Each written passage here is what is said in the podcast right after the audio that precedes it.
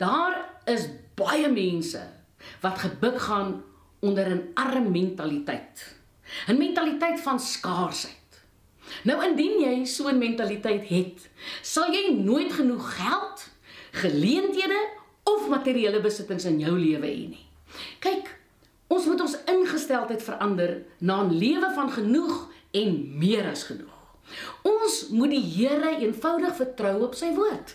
Johannes 10 vers 10 leer ons daarvan wanneer Jesus sê dit is sy begeerte dat ons 'n lewe van oorvloed sal hê. Dit is die dief wat steel, slag en vernietig. Jesus is die goeie herder en het gekom sodat ons 'n lewe van oorvloed kan geniet. Volgens die wêreldstelsels is die definisie van rykdom geld, gemeet in besittings en 'n goeie bankbalans. Wanneer jy rykdom meet in ander terme, sal jy sien dat daar mense is wat arm in besittings is, maar geestelik is hulle skatryk mense.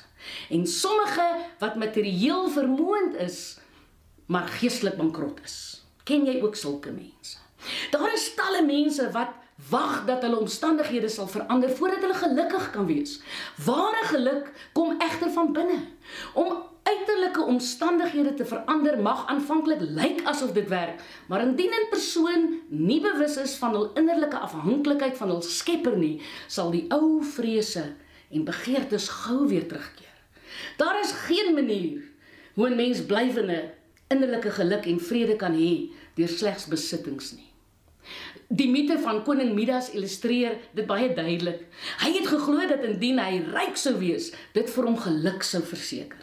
So het die gode nadat hy met hulle geredekavel het, 'n ooreenkoms met hom gemaak dat waarin hy ook al sy hande sou sit, dit in goud sou verander. So het koning Midas gedink dat hy die beste transaksie ooit gemaak het. Niks sou hom nou kon verhoed om die rykste en die gelukkigste man op aarde te wees nie. Die storie eindig waar Midas die ooreenkoms berou omdat die kos en die wyn in sy mond in goud verander voordat hy dit kon sluk en so het hy gesterf omring met goue borde en koppies. Die sielkundiges, psigiaters en dokters se wagkamers is vol suksesvolle en ryk mense. En hulle word daagliks ontnigter deur die feit dat materiële besittings nie 'n waarborg is vir geluk en gemoedsrus nie. Waar geluk is om God te ken.